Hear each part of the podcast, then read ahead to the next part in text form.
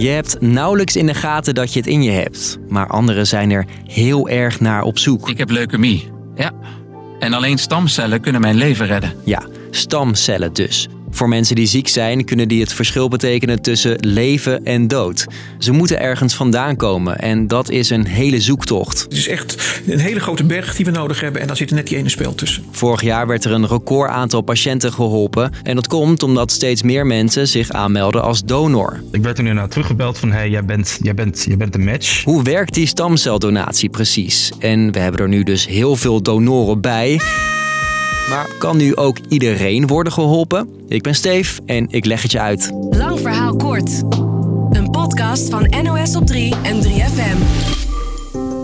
Eerst even de basics, want het is belangrijk om te begrijpen waarom we eigenlijk mensen zoals Egge Je hoopt dat er snel een donor gevonden wordt.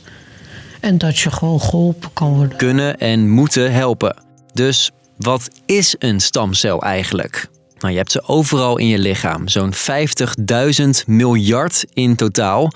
En veel van die cellen zijn ergens in gespecialiseerd. Je hebt bijvoorbeeld spiercellen die ervoor zorgen dat je kan bewegen.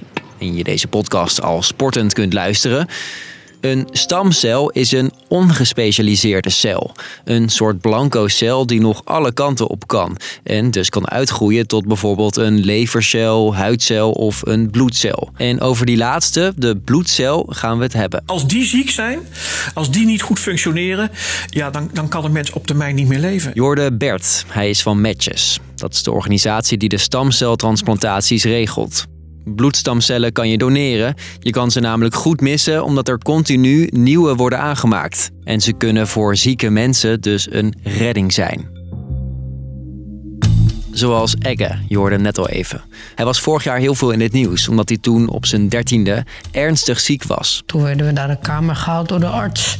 Toen werd er verteld dat ze zeker wisten dat het leukemie was. Leukemie, een vorm van bloedkanker. Een stamceldonatie was voor hem een laatste redmiddel. Hij moest dus op zoek naar een stamceldonor. In 30% van de gevallen match je met een familielid. Het grootste gedeelte komt dus van buiten de familie. En dan is de kans dat je een match vindt maar 1 op de 50.000. Hoe meer donoren er zijn, hoe meer kans op een match.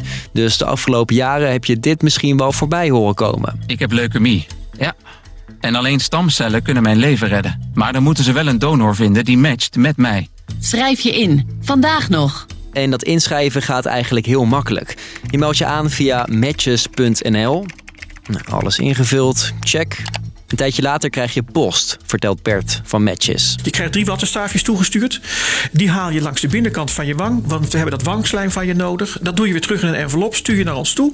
Die sturen wij naar het laboratorium. Dan kunnen wij die zogenaamde HLA of weefseltypering kunnen wij, eh, in het laboratorium nakijken. Dat is een code van 10 cijfers die in een wereldwijd donorbestand komt.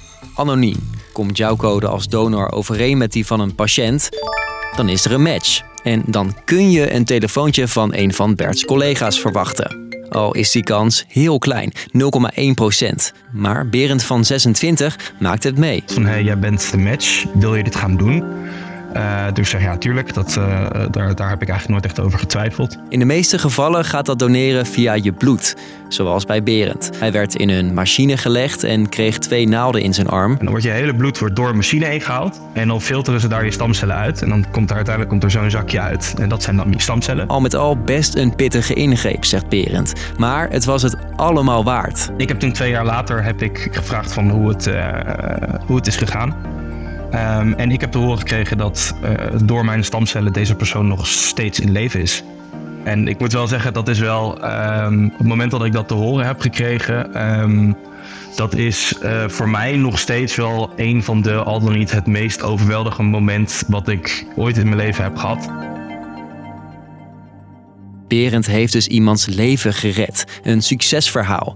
Maar over het algemeen is het hard, heel hard zoeken naar een geschikte donor in die enorme databank. Vooral voor mannen. Want bijna 70% van de donoren is een vrouw. En voor sommigen is het nog een stuk lastiger om een match te vinden. Dus het heeft iets met je afkomst van je voorouders te maken. En uh, kom je nou uit Afrika, dan is de kans dat die, die HLA-typering, die tien cijfers, um, dat die matcht met een Nederlandse donor, met iemand van afkomstig uit Nederland, die is alweer veel kleiner. Matches is dus op zoek naar donoren met een niet-westerse achtergrond. Speelde bij Egge, die Turkse roots heeft, ook een rol. Liefst zou het van mijn zus of van mijn broer zijn. Maar dat kan ook iemand anders zijn. Zolang er maar een stamceldonor wordt gevonden die geschikt is voor mij. Of voor iemand anders. Want ik gun het iemand anders ook. Eke is inmiddels geholpen door een anonieme donor. En door zijn verhaal te delen kreeg de donorbank er duizenden aanmeldingen bij. Dus, lang verhaal kort. Steeds meer mensen melden zich aan als stamceldonor. En daardoor werd vorig jaar ook een recordaantal zieke mensen gered. Toch zijn er nog niet genoeg donoren, zegt de organisatie die dat regelt. Vooral mannen en mensen met een niet-westerse achtergrond zijn nog nodig. Dat was hem voor vandaag. Morgen planten wij weer een gloednieuwe podcast in je app. Tot dan!